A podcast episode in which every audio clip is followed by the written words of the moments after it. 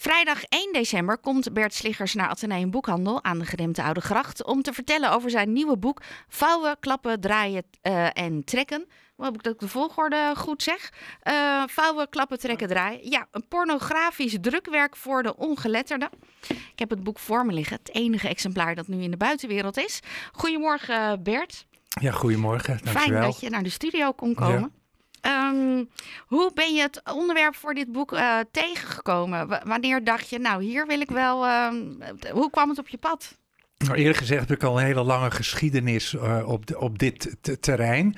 Maar de meeste mensen kunnen zich nog wel herinneren dat ik zo'n vijf, zes jaar geleden een hele grote collectie boeken, pornografisch, erotisch, Nederlandstalig, 1880, 1980 heb overgedragen aan de Koninklijke Bibliotheek.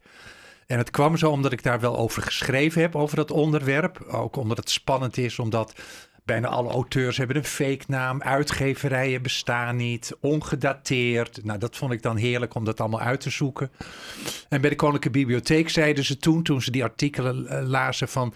Wauw, wat raar eigenlijk dat wij dat allemaal niet hebben. En het was ook in een tijd dat men uh, erachter kwam dat de bibliotheek eigenlijk niet de spullen bewaarde die men las. En het is niet alleen Wolkers en Hermans en, noem maar op. Maar er wordt natuurlijk ook heel veel andere met westerns en detectives, et cetera. En een van de conservatoren daar, die dacht, nou dat gaan we nou eens verzamelen. Dus na mij, na die 1500 boeken, hebben ze nog wel 5000 detectives aangeschaft, et cetera. Maar ook bijvoorbeeld de dingen uit de Boeket en de Harlekijnreeks. Ja, waarom zou je die niet en dan over 100 jaar zeggen...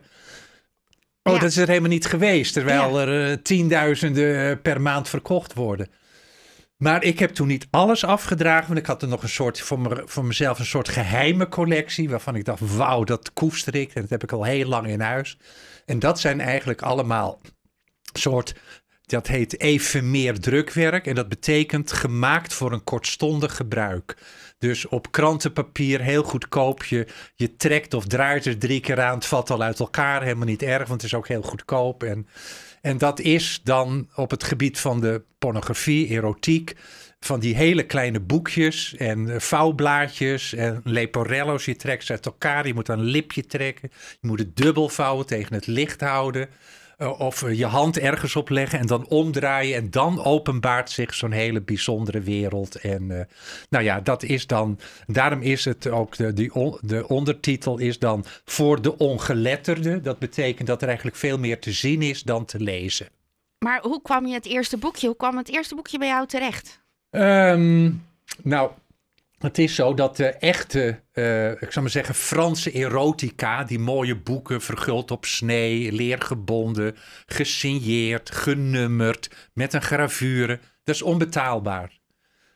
Onbetaalbaar voor mij. En vooral als je dan een gezin hebt met kleine kinderen, dan kan je natuurlijk niet zeggen: ja, jongens, we gaan niet op vakantie, want papa heeft net een vies boekje gekocht van de 5000 gulden. Dus vanzelf word je al geleid als je die interesse hebt naar meer dat andere spul.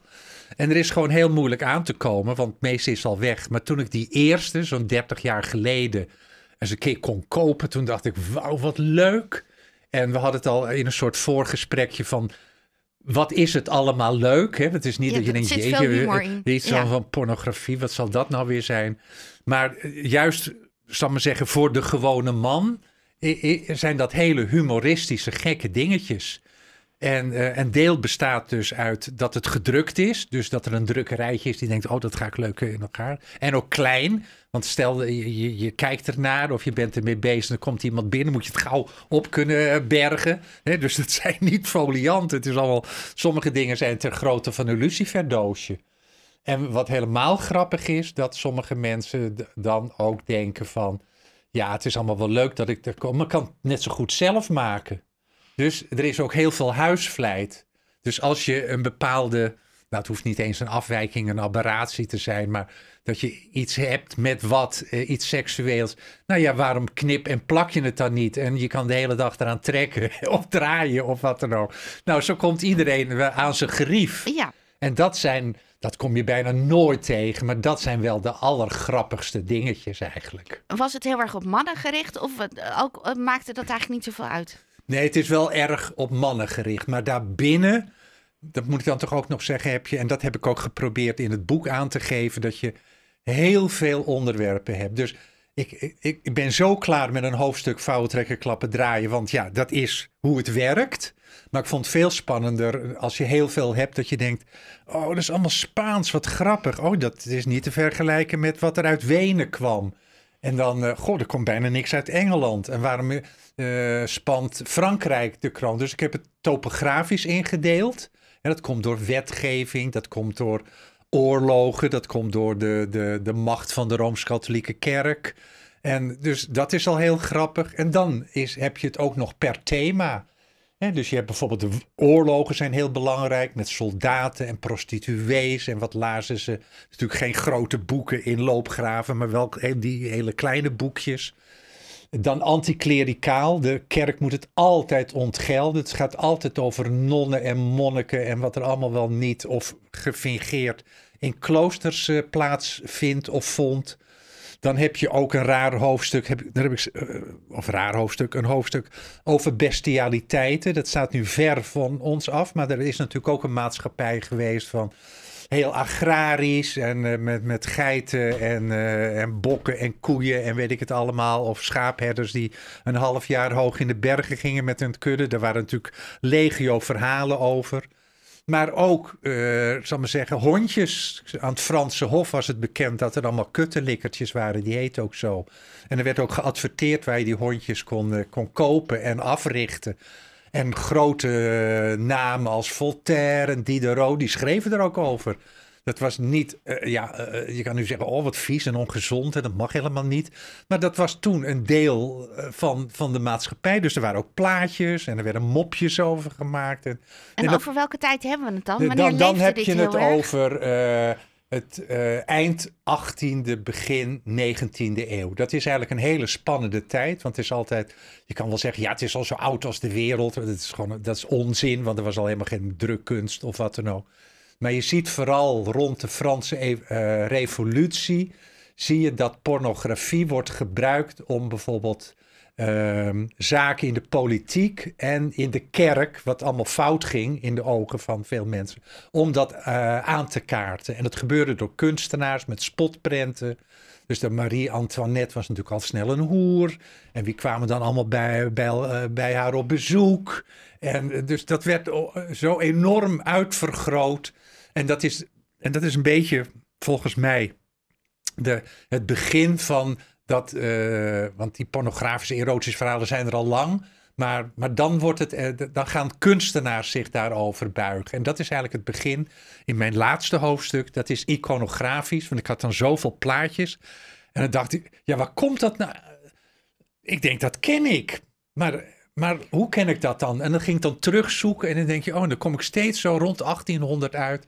Dat voor het eerst een kunstenaar is geweest om het zo af te beelden. En dan, ja, en dan wordt er maar gekopieerd en gekopieerd. En uiteindelijk komt alles terecht rond 1900, 1920 op de aanzichtkaart, de prentbriefkaart.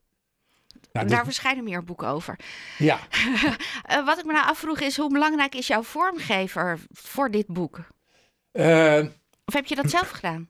Nee, maar het was wel meteen bij de uitgeverij. Ik was ten eerste al heel verbaasd, moet ik zeggen. Ik hoopte natuurlijk wel, maar dat ze mijn project zo hebben omarmd.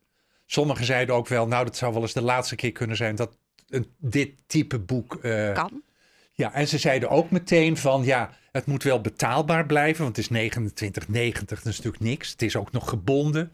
En ze zagen ook wel in dat je dus niet een boek kon maken dat je daar eens aan trekt en dat fout. Dan moet je een soort heel duur pop-up boek maken. Dat gebeurt natuurlijk niet. Maar dat ze nog zo extra omslag hebben gemaakt. Dat je dus dat voorste deel om kan vouwen. Dat zo'n ja, man. Ik, als, ik, uh, als ik praat, dan is de camera ja, ja, mij hè, uh, dan, dan, gericht. Dan kan ik het even laten zien. En dan, dan zie je een beetje. Ja, het is heel onschuldig, maar het.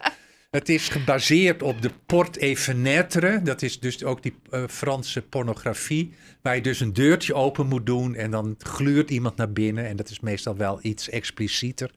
En dat komt dan uiteindelijk komt het dan in die prentbriefkaarten terecht. En nou ja, dat is ook een, gewoon een fenomeen. En, uh, en dat vind ik ontzettend leuk dat de uitgever het meteen al aan de buitenkant al heel spannend maakt.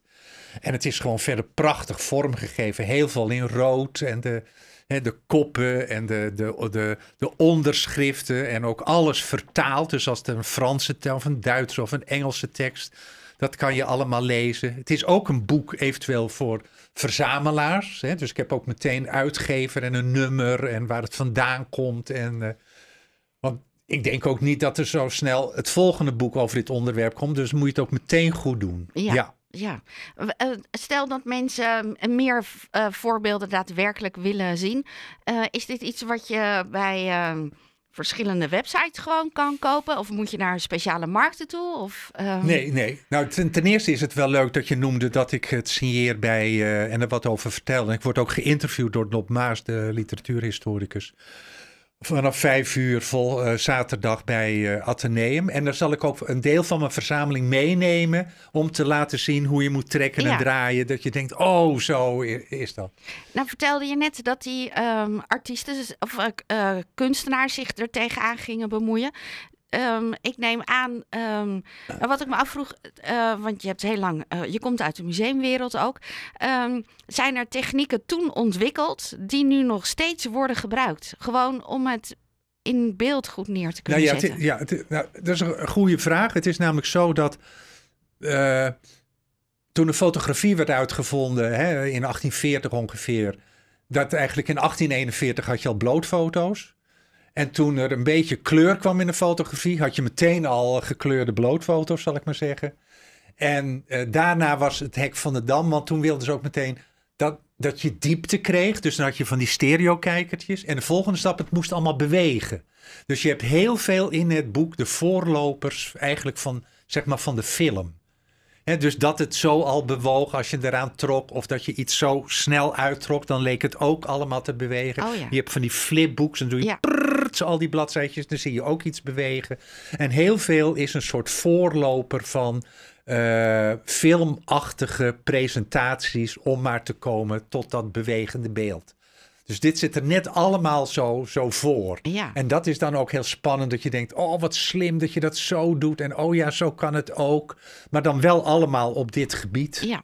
Ja, het moet ergens beginnen. Ja. Ik neem aan dat er nu geen markt meer voor is hè, voor dit soort boekjes. Want we hebben nu internet en er is ongeveer alles te vinden. Ja, ja en het, het is trouwens ook zo, ja, dit is ongeveer 30 jaar verzamelen natuurlijk niet alles zit in dat boek. Nee. En, uh, en ik merk ook wel dat het bijna opgedroogd is. Hè? Dus ik bedoel, het is niet dat je maar dat mensen denken: oh, dat ga ik ook allemaal verzamelen. Ja, veel succes of heel duur. Ja. Hè? Want wat eerst heel voor 10 cent op de markt, het is soms nu al 100 euro, ik noem maar wat.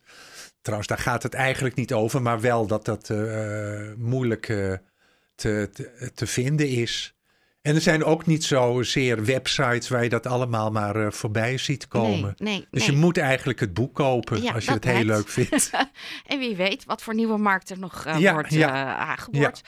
Um, maar vrijdag dus naar Atheneum Boekhandel om vijf is- uur. ja of is het zaterdag, 1 december? Ik had uh, vrijdag 1 december staan. Ja, ja, 1 december is Ja. het. Ja, nee, Ja. dan is het vrijdag. Ja. En dan, uh, nou, dan uh, kunnen we ook in het echte werk kijken Ja. en het boek kopen. Zijn er, um, hoeveel boeken worden er dan gedrukt? Hele ja, technische ik vraag, geloof hoor, maar, iets eh, van 1000, 15, 1500 geloof ik. Dat Ja. is best veel. En maar toch wel een collectors item. ja, dus ja, komt Ja. al. ja. Bert, dankjewel dat je naar de studio bent gekomen. ja, geen enkel probleem. Heel, Heel leuk. erg leuk. En eh, ik heb het boek eh, dus in kunnen kijken. Ik heb het enige exemplaar dat nu ter wereld beschikbaar is, ligt bij mij. Ja. Maar ehm, vrijdag eh, 1 december, dan is er een, eh, ah, nog een uitgebreider interview. En dan gaat het over het boek Vouwen, Klappen, Trekken en Draaien bij Atheneum Boekhandel. De toegang is gratis, maar ze vinden het altijd heel fijn als je even laat weten dat je komt. Zetten ze stoelen klaar en hebben ze een beetje een idee hoeveel mensen er komen. Eh je Bert Sliggers.